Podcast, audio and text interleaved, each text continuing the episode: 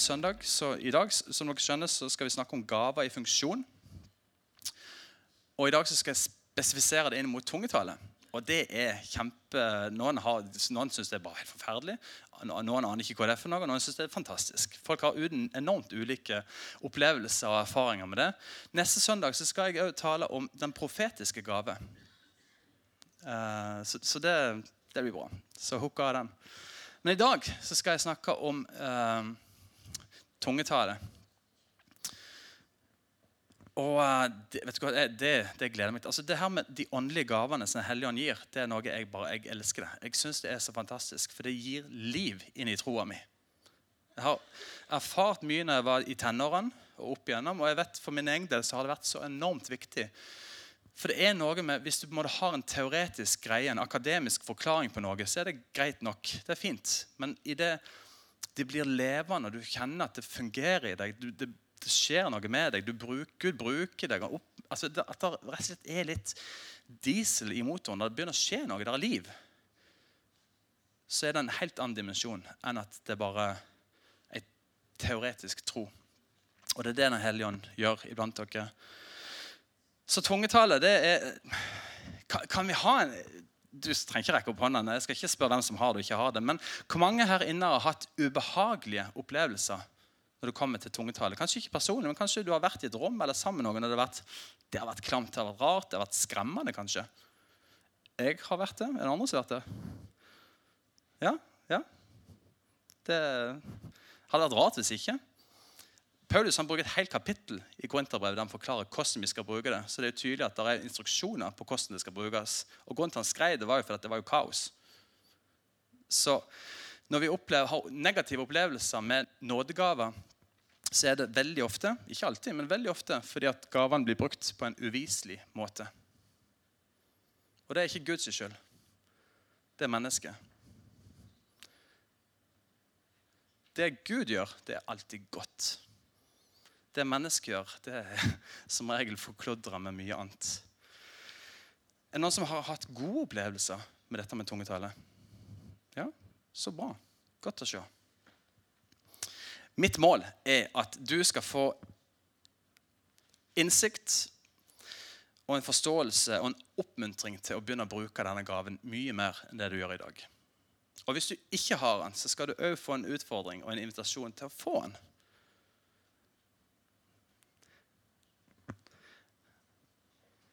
I Apostelens gjerninger jeg tror vi muligens får det opp på veggen her,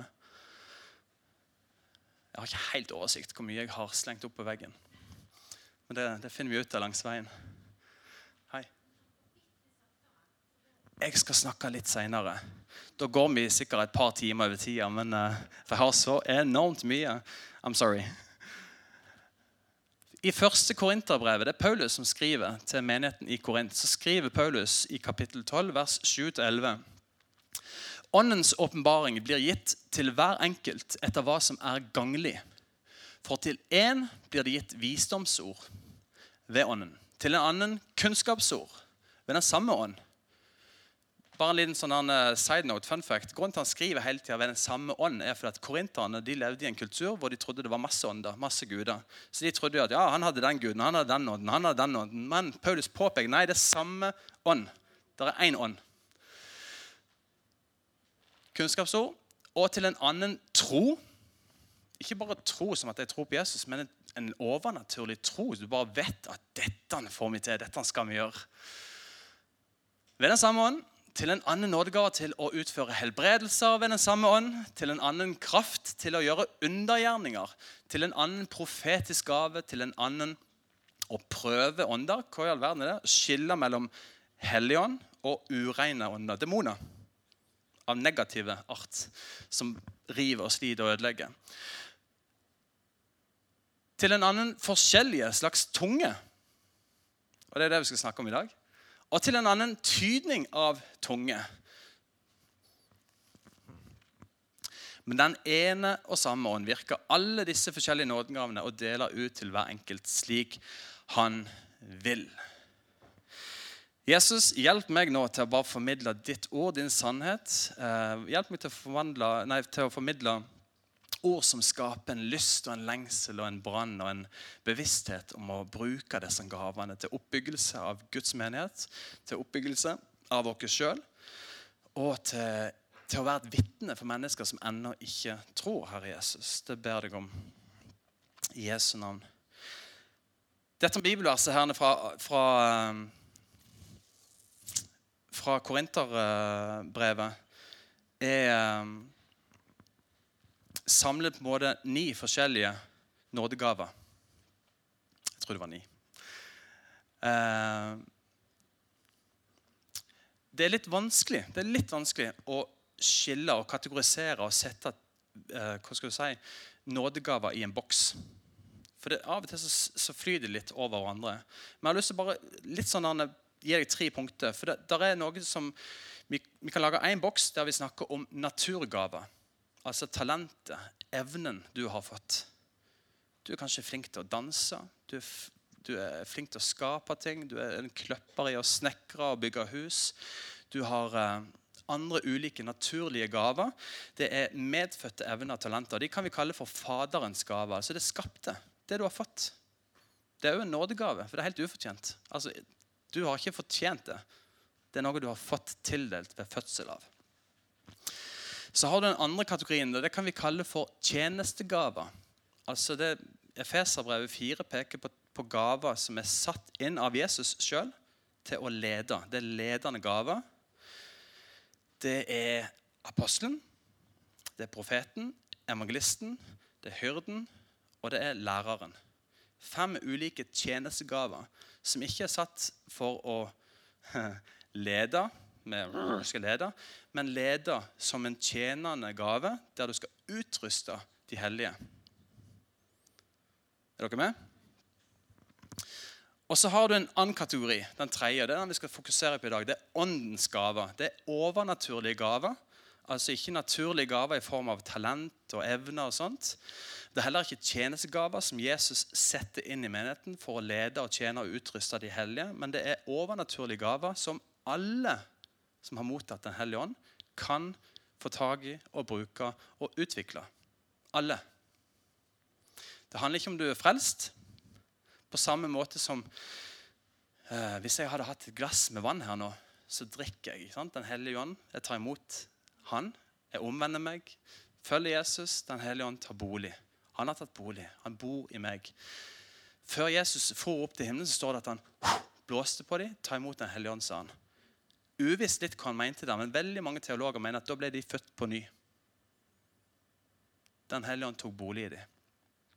Så sa han, vent til Den hellige ånd kommer over dere, for da skal dere få kraft til å være mine vitner.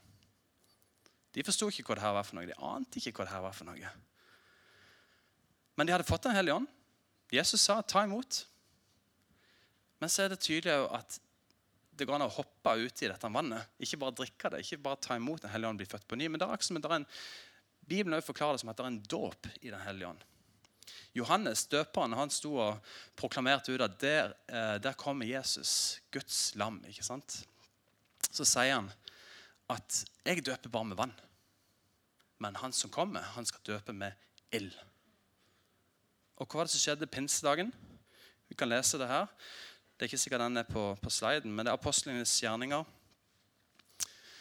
eh, kapittel 2, vers 4. Nå hopper jeg litt i skjemaet her. Det er ikke meningen, men vi satser på at det er Gud som leder meg. Der står det Og de ble alle fylt med Den hellige ånd. Og de begynte å tale i andre tunge, alt ettersom ånden ga dem å tale. Det var pinsedagen. Den hellige ånd kom over dem. Det, det, står at det kom som ildtunge på hodene deres. På den måten så de at her skjer det noe helt vilt. Og jeg ser for meg at her var der Texas. De, det, det bare sprudla. Det bare, det bare rant over i deres indre. Så det er nådegaver. Du har Faderens gaver, de naturlige gavene. Du har tjenestegavene som Gud eller Jesus setter inn i menigheten for å utruste de hellige, og så har du nådegaver. Nådegaver er noe alle troende kan bruke. Er dere enige? Ja, Det er bra, for det står i Bibelen. Så hva er tungetale? Tittel. Hva, hva i all verden er tungetale for noe? Og som vi har snakket om litt her nå, Noen har negative opplevelser med det. Det er skremmende, det er rart, det er skummelt, det er mystisk. Jeg forstår det ikke. Det høres rart ut. Det, det er rart. Andre bare 'Å, det er det beste som fins'. ikke sant? Og Jeg bare elsker å høre når folk ber i det, for det bare, å, det skjer noe i meg. Det er ulike erfaringer med, med, med tungetale. Men hvis en skal summere det med én ting som Bibelen peker på, så er det å tale hemmeligheter med Gud. Min ånd, som nå er ett med Den hellige ånd, snakker med seg sjøl på en måte. Han taler hemmeligheter med Gud. Et sitat fra Arnfinn Klemetsen som jeg så her for noen dager siden. Jeg tror vi får det opp veggen her. Hans, det var en debatt i forhold til en, en utgytelse av ånd som skjedde på Asbury i uh, et college i USA. da kom en liten vekkelse. Og da var det snakk om at Det blir alltid diskusjoner. så Dritlei av diskusjoner.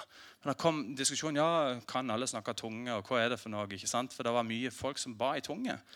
Så kom Arnfinn inn her og bare skriver i kommentarfeltet på Facebook. Der er heldigvis noen fantastiske folk på Facebook, og ikke bare nettroll. Og Han skriver tungetale er en enestående nådegave til oppbyggelse og et levende bønneliv. Tungetale beviser verken åndelig modenhet eller posisjon. Så det at du har, bruker nådegave, det, det, skal vi være litt forsiktige med. For Av og til er det mennesker som har en sterk funksjon i nådegave. De har kanskje en helbredelsesgave, profetisk gave. Men folkens, det sier ingenting om deres karakter, om deres modenhet i Jesus. Så på stammen så skal du kjenne frukten. Det er så viktig å se forbi det karismatiske, det voldsomme, det spektakulære, det flotte, det fine, de store ordene, det voldsomme. Eh, og kjenn litt på karakteren. For det sier ingenting om modenhet eller vår posisjon. Men den gis av nåde av Gud. Og mottas og brukes ved tro og åndens inspirasjon. Tungetale er rett og slett språket fra vår gjenfødte ånd og vi setter ord på det med vår tunge. Jeg har hørt folk, og jeg har lest når jeg har studert det her litt, at folk folk må det bare, ja, jeg visste ikke hva det her var for noe. Jeg har aldri gjort det. For en venter nesten på en sånn kraft som går komme og ta over tunga mi. ikke sant? Miste kontrollen, liksom. Jeg skal komme inn på det, men du styrer dette helt sjøl. Du kan velge å lukke igjen, og du kan velge å si det. Når folk bare Si hvis Torbjørn Torbjørn hadde bare reist seg opp og så kunne jeg sagt 'ti still'. jeg har hørt at Arild Edvardsen han gjorde det i sin tid i Sarensdal. Det var et svært vekkelsesmøte i Sarensdal. Og Han sto og talte. og Plutselig var det ei dame som reiste seg opp og så ropte han bare 'Sett deg ned!' Gud taler ikke munnen på seg sjøl. Altså, det at noen forstyrrer den orden som er sagt, eh, er ikke bibelsk. Så Paulus underviser, vi skal se litt på det, men der er, der er orden. Vi skal bruke dette på en fornuftig, god, oppbyggende måte. Så hvis folk bare bryter ut og «Ah, 'Jeg kan ikke kontrollere det, er bare Hellig som bare tøys og tull' Dette bestemmer du helt sjøl. Det er forskjell på de indre gavene som du kan bruke, som Helligånd gir, og når Guds kraft kommer over mennesker. Men det at folk bruker gaver, tungetale eller sier ting ukontrollert, er ikke av Gud. Da er det menneskelig eller ureine ånder. Okay? Så Derfor har vi litt orden i møtene våre. Vi vil ikke at folk skal komme her og rope ut i tunge og si ditt og datt. har jeg hørt. Vi, vi, ønsker orden. Det skal gå via en møteleder eller meg eller noen i lederskapet. For det skal veies. Det skal skilles. Vi skal skille ånder. Hva er dette for noe? Løfte opp Jesus? Underbygge det det vi holder på med? Er det en hilsen fra Gud? Eller er det bare noen som vil ha litt oppmerksomhet? Derfor ønsker vi at når folk kjenner at jeg kjenner for Gud at jeg vil gjøre dette, eller jeg vil si dette, når jeg har en hilsen, ja, kom og snakk først, så ser vi. For Gud, Jesus, har satt inn tjenestegaver. Hvorfor? For å lede, for å undervise, for å utruste. Det er orden i Guds menighet. Ikke Texas og Charismania. Det klassiske synet i pinsevegelsen det er at tungetale er et tegn eller et bevis på åndsdåp. Altså det klassiske synet i den karismatiske bevegelsen, bevegelsen i pinsebevegelsen. De første som bar dette og som starta menigheter, forkynte at tungetale er et bevis eller et tegn på at noen har blitt døpt i Den hellige ånd. Og Grunnen til de forkynner dette Jeg er ikke helt enig, jeg er delvis enig, men jeg er ganske enig. Eh, men grunnen til at det forkynnes er for at Når du leser i Det nye testamentet, så var det hver gang Den hellige ånd kom over menneskene, hver gang mennesker ble døpt i Den hellige ånd, hver gang Den hellige ånd berørte mennesker, så var det første som skjedde, at de talte tunge, og de talte profetisk.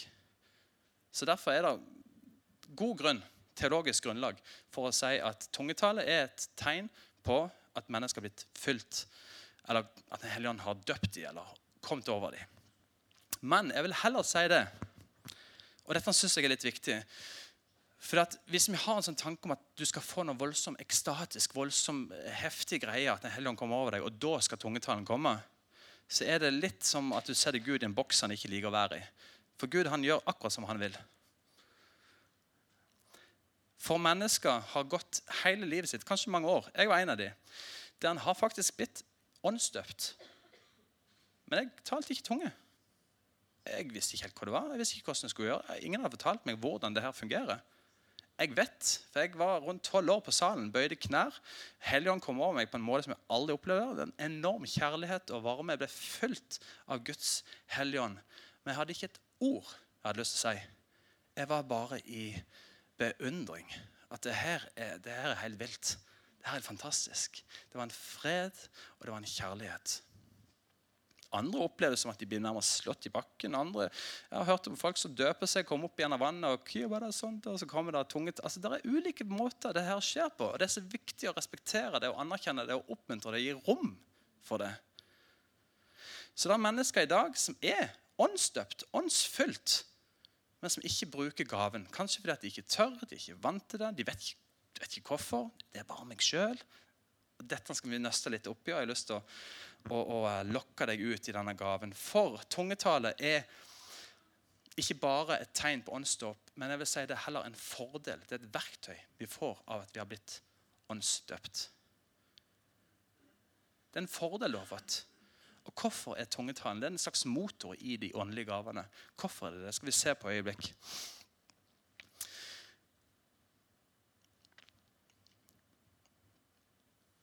vi skal se på det nå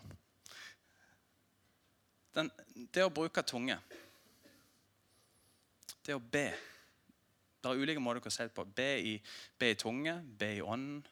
Eh, ja, det er ulike måter å, å forklare det på. Eh, men for å si det sånn, det er en styrke, det er et verktøy, det er et redskap, det er et hjelpemiddel. Det gir oss styrke, og det gir oss kraft, det gir oss åpenbaring og det gir oss livskraft. Det er en virkelig kraftmaskin i ditt indre. Det er Den hellige ånd som ber. Og der er et fokus av og til om at ja, hvis du ber i tunge, så bygger du opp ånd. Og Jeg er ikke helt enig i det heller. For det at Bibelen sier det at du bygger opp deg sjøl. Paulus skriver at du har jo nevnt det, når du ber i tunge, så bygger man seg selv opp. Hvem er seg selv? Det er jo det hele meg. Så ja, jeg gir sånn sett rom for mer av Den hellige ånd i meg. Men det som skjer når du ber i tunge, er at Sjela di, tankene dine, forandrer seg. Kroppen din kan få mer energi. Du kan bli, du kan bli sunn og frisk og rask. Føler deg svak og sliten og deppa nedfor. Ber du tunge, så bygger du deg sjøl opp. Ikke bare ånden, men hele meg. Hele du vil oppleve en forandring når du bruker denne maskinen herrene, som vi har fått. I Apostlenes gjerninger det kom opp på veggen, kapittel 10, vers 44 og 46 til 46 så står det Må kanskje litt tilbake. Apostlenes gjerninger 10, 44 og 46.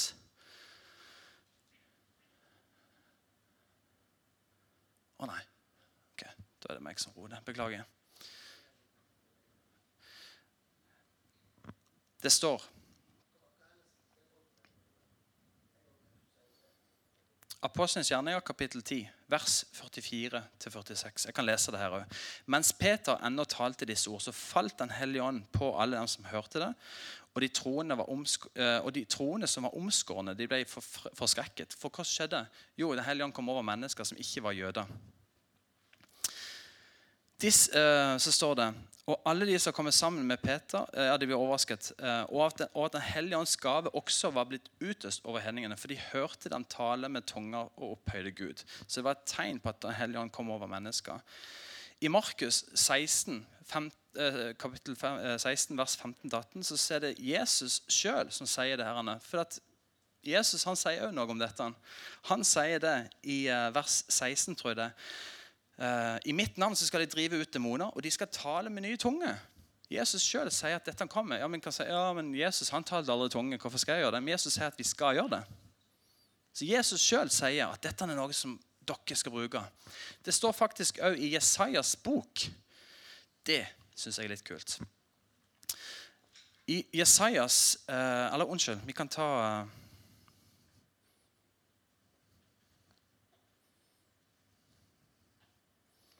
kan ta det litt seinere.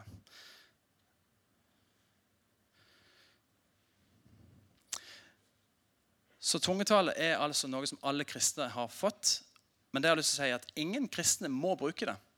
Ingen kristne må bruke det. Men alle kristne kan bruke det. Så du må ikke bruke den gaven. Men det eneste du går glipp av hvis du ikke bruker den, er at du bygger opp deg sjøl. At du blir styrka, at du får åpenbaringer, at du kjenner at du får mot, at du får tro, at du får kraft. Det går du glipp av. Så det er virkelig en kraftmaskin du kan bruke for å bygge opp deg sjøl. Så Guds nådegave det er noe du sjøl velger å bruke. Det er noe du har kontroll over. Det hellige ånd gir det, men du kan velge om du bruker det eller ikke. Du har kontroll på det. Hvordan du bruker det, og når du bruker det, og hvordan du bruker det, er det sjøl du styrer. Men Bibelen viser oss tydelig hvordan det skal brukes. Og så kan jeg spørre, det kommer en tittel nå, hvorfor skal vi be eh, i tunge? Og som jeg sa, I 1. Korinterbrev 14,4 så står det den som taler i tunge, den oppbygger seg sjøl. Den bygger seg sjøl opp. Og Ordet 'oppbygge' det er litt stilig. Det er rett og slett synonymt med det å bygge et hus akkurat det samme. At du restaurerer eller bygger et hus. At du oppbygger noe. Så kan du tenke ja, men jeg er jo ikke et hus. Ja, men Bibelen sier at du er et Guds tempel. Du er et tempel for Den hellige ånd. Så hva skjer når du ber i ånden? Jo, du bygger opp tempelet. Du bygger opp deg sjøl. Du styrker deg sjøl. I Judas brev kapittel 1 vers 20 så står det Men dere elskede, oppbygg dere selv på deres høyhellige tro i det dere ber i Den hellige ånd. Og I Efeserbrevet 6, 18 så står det å be hver tid og stund med all bønn og påkallelse i ånden. Så det er masse henvisninger i Bibelen, både fra Jesus, fra Paulus, fra andre disipler, som viser til at de gjorde det, men at de òg anbefaler det til hver enkelt troende. Og jeg må være ærlig og si, Både ut ifra erfaring og hva en opplever blant andre kristne Når mennesker ikke bruker denne gaven, så er det forferdelig mye svakhet. Det er forferdelig mye motløshet. Vi blir overkjørt av kalle andre ånder som bare bryter oss ned og trykker oss ned og blir helt sånn forkrøpla nesten. Og Da kan jeg stille to spørsmål. Bruker du tid i Guds ord? Og bruker du bønnespråket du har fått av Hellige Ånd? To faktorer som vil forandre livet ditt totalt. Bruk tid sammen med Jesus i hans ord, og be i tunge. Eller be med forstanden òg, for all del. Men wow, det å be i tunge er virkelig eh, en forandring for ditt bønneliv. Hvordan be i tunge? Og Det er jo dette som er litt interessant, og som er egentlig veldig viktig. For hvordan skal vi gjøre dette? Bibelen sier faktisk ganske mye. og Vi skal bruke litt tid nå i kapittel 14, første Korinterbrev. Hvordan skal vi gjøre dette? Paulus har mange meninger og tanker om dette. For i korintermenigheten så var det kaos. Altså, de kan tenke den verste byen og verste plassene her i, i verden. altså Det kan ikke måle seg. Og disse var jo kristne i tillegg. Det var helt vilt. Og det her kjærlighetsbrevet Paulus skriver bare kapittelet før, er jo ikke en sånn å, så flott med kjærlighet. Altså, Han refser dem. Det er bånn gass. Ta dere sammen. Det er tøffe ord. Så les kapittel 13, 12, 13, 14 og 15 med baktanke om at han irettesetter dem med en hard, skarp penn. Vi har lyst til å bruke litt tid i første Korinterbrev, kapittel 14. Men når det kommer til det å be i ånden, be i tunge, det å be i hemmeligheter med Gud, så er det enkelt. Jeg kan velge å bare santo, solo. Dere forstår ingenting. Det er mellom meg og Gud. Jeg kan velge å skrike det ut, men da er det meg som er litt dum i hodet. For hva skjer da? Det skaper jo bare frykt og ubehag og alt mulig. Altså, så jeg kan velge sjøl hvordan jeg gjør dette. Jeg kan synge.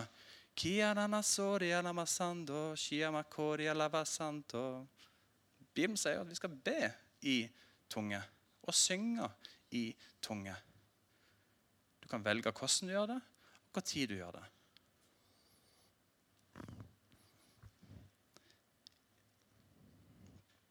Hvis du har med Bibelen din, så slår det opp i 1. Korinterbrevet 14. Så skal vi ta litt bibelstudie. Vi skal nesten lese hele kapittelet sammen. Så har du på telefonen din, på ditt språk kanskje, eller hvordan det er, så skal vi lese litt sammen her. Dette er bra. Dette er gull, for å si det rett ut. I min bibel er det på side 1301. Men vi slår opp i 1. Kvinterbrev, kapittel 14 og begynner fra begynnelsen, rett og slett. Jag etter kjærligheten og søk med iver etter de åndelige gaver, slik at dere i større grad kan tale profetisk. For den som taler i en tunge, taler ikke for mennesker, men for Gud. For ingen forstår han, men han taler hemmeligheter i ånden. Så Bare det er jo en veiledning om at tungetale er ikke noe som jeg skal på en måte slenge ut til dere ukritisk. Men det er hemmeligheter mellom meg og Gud. Så står det videre i vers 4.: Den som taler i en tunge, den oppbygger seg selv. Det leste jeg i stad òg. Men den som taler profetisk, oppbygger menigheten. Så her er det et tydelig skille. Talen, ber en i tunge, synger i tunge, så er det mellom meg og Gud. Jeg bygger opp meg sjøl. Talen profetisk, så bygger det opp menigheten. Det som er litt viktig, og vi kommer inn på det litt senere, er at når Paulus snakker om å tale herrene, så virker det som at han ikke snakker om at, at hvis Merete sitter her nå, eller vi ber sammen, så ber, så ber Merete i tunge for seg sjøl så er det noen kretser, noen bevegelser, noen kirkesamfunn som tenker at nei, det skal vi ikke ha. For det står jo der. Men det er ikke det de mener. Det betyr at Når jeg står i døra og hilser på noen, så er det ikke sånn at jeg Hei, Cornelia. Kira masont, og shura basindi la sant? Og ramas, det, er jo, det er jo den tilstanden vi snakker om herrene. Det har ingen nytte. Og det de antageligvis regner med at I korintermenigheten så gikk de rundt og bare, bare var helt sånn on fire. For den som ba i tunge, den var stor. ikke sant? Det var helt vilt og du, bare, du viser at du hadde åndelige muskler. ikke sant? Men Paulus irettesetter dem. Hallo, når du stiller deg fram, når du møter mennesker, når du kommer sammen, så ikke driv på å snakke i tungen. Det har ingenting for seg. Du bygger bare opp deg sjøl. Men ta den heller profetisk. Altså, Merete, Gud elsker deg. Han har favør over ditt liv. Hva skjer da? Wow, kjenner seg oppbygd og styrka. Hvis jeg hadde sagt Merete, santo, shoroma, kidianda. Ok, flott det, liksom. Men Hun kan selvfølgelig kjenne at wow, det griper i hennes ånd, men hennes, det står at vi taler jo ikke til fornuften da. Sant? Rent åndelig sett så kan det være fint og alt mulig.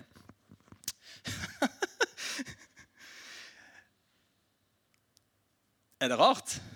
Nei, det er så bra. Jeg tror det er viktig å dra det ned på et litt praktisk nivå. her. For tungetallet er ikke hokus pokus, det er ikke farlig. Du må ikke inn i en ekstase liksom, eller noe sånt, eller ukontrollert. Det er kjempenormalt.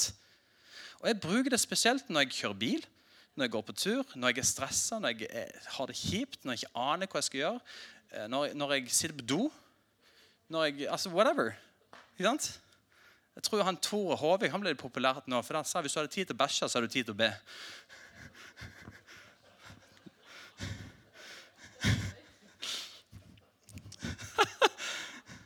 Det har blitt gjort litt narr av han. Han ler jo av det sjøl. Har du tid til å bæsje? Da kan du be. Men Paulus skriver i vers 5. Jeg skulle ønske at dere alle talte i tunge. Jeg skulle virkelig ønske at dere alle brukte denne gaven. Men enda mer at dere talte profetisk. Og det er jo ikke sånn at han setter det mot hverandre, men i denne menigheten så gikk de bare rundt og snakket i tunge. ikke sant? Men når dere kommer sammen, tal heller liv, tal heller sannhet, tal heller profetisk over hverandre. For det styrker menigheten. For den som taler profetisk, er større enn den som taler i tunge. Her er det ikke sånn at det er forskjell på folk sånn, men det har en større verdi for menigheten når vi kommer sammen. Altså Det er, større. Legg mer vind på det når du kommer sammen og treffer hverandre. Tal profetisk til hverandre. Ja, Så skriver han det, og det er jo morsomt. Eh, for den som taler profetisk, er større enn den som taler tunger. Hvis han da ikke tyder det Og her kommer tydningsgaven inn. ikke sant? For Jeg kan stå her og og sånt, og så kommer jeg inn og bare Yes, jeg har, jeg har et budskap. Jeg har en tydning nå. Og da har du en funksjon igjen. Ikke sant? For da er det ikke bare en bønn, men det kommer en hilsen, en profetisk uh, hilsen fra Gud over menigheten eller enkeltindivider. Er dere med? Yes. For da kan menigheten få oppbyggelse. Og så står det i vers 6.: Men nå, brødre, om jeg kommer til dere og taler i tunger da Paulus setter seg i denne situasjonen. Hvis jeg kommer her nå, hvis jeg Kristoffer skal tale om tungetall, og det eneste jeg gjør nå i 30 minutter, er bare og bare Hva skriver Paulus om det? da? Til hvilket gagn vil jeg være for dere hvis jeg ikke taler ved åpenbaring, ved kunnskap, ved profeti ved, eller ved lære? Altså, Hvilken nytte har det hvis det bare står her og blablabla? Så skal vi gå ned til vers 12. Slik er det også med dere. Siden dere er nidkjære, altså de, å, de vil ha dette, etter å få de åndelige gaver, så søk dem til menighetens oppbyggelse og for at dere skal ha overflod. Derfor må den som taler i en tunge, be om at han skal måtte få tyde dette. Så hvis du har forferdelig lyst til å stå her og ta det tunge, så få tydningen òg, så menigheten kan få noe ut av det. For om jeg ber i en tunge, så er det min ånd som ber men min forstand er uten frukt. Da ble jo gjort en rett og slett vitenskapelig test på en person som ba i tunge. Der de så at hjernen var nesten ikke i funksjon. Altså, Det var ingen aktivitet i det senteret som, som skaper eh, ord. Det var andre ting som skjedde, som de aldri hadde sett før på en test. Så det bekrefter jo sånn at det er min ånd som ber. Det er ikke min forstand. Det, du bypasser på en måte forstand og går rett opp til Gud. Hei. Ja, fortell. Er det sant? Kult. Gud har skapt dere på en fantastisk måte. Ja, så Den som taler i tunge, må be om at jeg skal få tyde det. For om jeg ber i en tunge, så er det min ånd som ber, men min forstand er uten frukt. Det leste vi. Vers 15. Hva innebærer da dette? Jeg vil be i ånd, men jeg vil også be med forstanden. Jeg vil synge i ånd, jeg vil også synge med forstanden. Hvis du lovpriser i ånd, hvordan skal den som inntar den ukyndiges plass, si amen når du ber takkebønn? Ikke sant? Hvis jeg bare står her og rammer sånn, hvordan hvordan skal folk si amen til det? De aner ikke hva jeg står og sier for noe. For du ber sikkert en fin takkebønn, men den andre blir ikke oppbygget. Så fram til nå Vi kan avslutte det. Vers 18. Jeg takker min Gud. Jeg taler mer i tunga. Ok, her kommer det. Paulus sier jeg taler mer i tunga enn noen av dere gjør det. Men jeg gjør det på en måte som er oppbyggelig for meg. Og så legger jeg om og taler profetisk, sånn at dette er oppbyggelse for menigheten. Men Paulus sier jeg er ber mer i tunge enn noen av dere. Og hvorfor gjør han det? For han trenger det. For en tjeneste han sto i. For en fantastisk tjeneste han sto i. Og jeg tenker, wow, Han har jo vært i lønnkammeret sitt, i skattkammeret, i bønnerommet sitt og bedt og bedt og bygd seg opp. Så han sier jeg takker min Gud, jeg taler mer i tunger enn alle dere. Men i menigheten så vil jeg heller tale fem ord med min forstand så jeg også kan lære andre enn 10 000 ord i en tunge. Så når Kristoffer står her, så vil jeg heller stå og forkynne Guds ord, formidle kunnskap og visdom og åpenbaring, enn at jeg står her og ikke sant?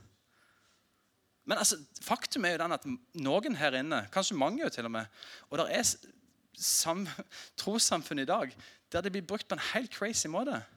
Det er ikke til oppbyggelse, det er mer skremsel og, og visvas. Det er tydelige ordninger som vi leser her nå, hvordan det skal brukes. Så det vi bare oppsummerer så langt. Nå er vi halvveis. Dette blir bra. Ikke halvveis i talen, halvveis i kapitlet. For å oppsummere det tungetale er bra. Tungetale er noe alle kan bruke. Alle bør bruke. Men du skal bruke det på en måte som bygger opp deg sjøl. Og vi skal ikke bruke det på en måte som gjør at folk bare står og klør seg i hodet. Hva i all verden er som foregår for noe? Hvis noen stiller seg fram og ber i en tunge, ja, så skal det tydes. Det skal komme en profetisk hilsen ut av det. Så skal vi lese, og det var det jeg nevnte så vidt i stad, som jeg ikke nevnte likevel. Vers 21 så står det I loven er det skrevet med mennesker med andre tunger og andre lepper vil jeg tale til dette folket. Altså I Jesajas 28, 11-12 så står det Jesajas får en åpenbaring om at det kommer et språk. Og Paulus bekrefter det herrene. Det har vært skrevet om i loven. I loven er det skrevet ved mennesker med andre tunger og andre lepper ville tale til dette folket. Og heller ikke da skal de høre på meg, sier Herren. Så Jesaja ser det allerede i sin ånd at dette er noe som kommer. I vers 23.: Hvis altså hele menigheten kommer sammen på samme sted, og alle taler med tunger, og det kommer inn noen som er ukyndige eller vantro, altså at de ikke tror på det her, eller ikke er kristne, eller ikke på en måte skjønner det, her, så vil, vil ikke da si at dere er, jo, dere er jo godt for forstand. Dere er jo galne. Men om alle taler profetisk, og en vantro eller en ukyndig kommer inn, blir han overbevist av alle, og han blir dømt av alle. Ikke dømt som at du er en synder, men wow, Gud kommer og overbeviser om synd og rettferdighet. Og slik blir det alt og slik blir alt det som er skjult i hans hjerte, avslørt. Og han vil falle ned på sitt ansikt og han vil be til, og tilbe Gud og vitne om at Gud er sannelig iblant dere. Og det er det fantastiske med en profetisk gave. En profetisk gave, kunnskapsord, visdomsord, er med å styrke, trøste, veilede. Kanskje avsløre noe som bare 'Hvordan vet du det?' Jo, men jeg har en hilsen. Gud ser deg. Og Det kan være et vitnesbyrd til mennesker om at 'wow, der er noe for meg, herrene'. Vers 26. Hvordan er det da, søsken, når dere kommer sammen? Har hver av dere en salme, en lære, en tunge, en åpenbaring, en tydning? Alt må skje til oppbyggelse. Hvis noen taler i en tunge, må det da være to eller høyden tre, og etter hver sin tur, og én må tyde. Altså Her lager han en orden. Det er, en, det er, ikke en, lov. Sånn skal det være. Men lag en orden. Hvis noen har en tunge, en hilsen, ja, så la det maks være tre stykker. ikke sant? Jeg er jo vokst opp i en setting der det alltid var tre, for det står jo i Bibelen. ikke sant? Så hvis en kommer en Så kommer ja, så sier Herren. ikke sant? Og så kommer kommer mer ikke sant? Å, å, det tredje gangen du visste bare at det kom. ikke sant? For det var en kultur. Helt greit, men det må jo ikke være sånn. Men Paulus setter en slags ordning. Kom an, ikke, ikke, ikke dra det lenger, liksom. Det holder. Men hvis det ikke er noen her til å tyde, så la det heller være stille. Og derfor igjen så vil jeg ikke ha at folk bare Nei, kom fram, spør. Du, jeg har fått en tunge. For du kontrollerer det. Jeg har fått en tunge. Jeg tror jeg har noe. Så kan jeg si, ja, vet du hva? Jeg har gaven til å tyde. Kom an. Orden. Fornø altså, Vi skal bruke fornuft. Orden og fornuft til oppbyggelse av Guds menighet. Hvis jeg ikke hadde visst er det noen her som har gaven til å tyde? Så hadde jeg spurt. Du, nå kommer der en tunge, eh, tungehilsen. Dette er spennende, men er det noen her som kjenner eller har gaven til å tyde? Så er det kanskje to-tre stykker, eller ti, eller, eller ingen. Så vet vi. Enkelt og greit. Trenger ikke gjøre noe mer mystisk enn det. Vi er rare, vi mennesker, av og til. Så det, Paulus er ganske pragmatisk og ryddig hørende. For da sier han hvis det ikke er noen til å tyde, så ber det heller om å være stille i menigheten. Da skal han heller tale for seg sjøl og Gud. Helt til slutt, vers 39. Derfor, brødre, skal dere med iver søke etter å tale profetisk og ikke hindre tungetalen. Så igjen, vi skal ikke hindre det. Ikke stopp det, for det er fantastisk, det er viktig, det er oppbyggelig. Det er ganglig for deg. Men til slutt alt må skje på en moralsk måte og med orden.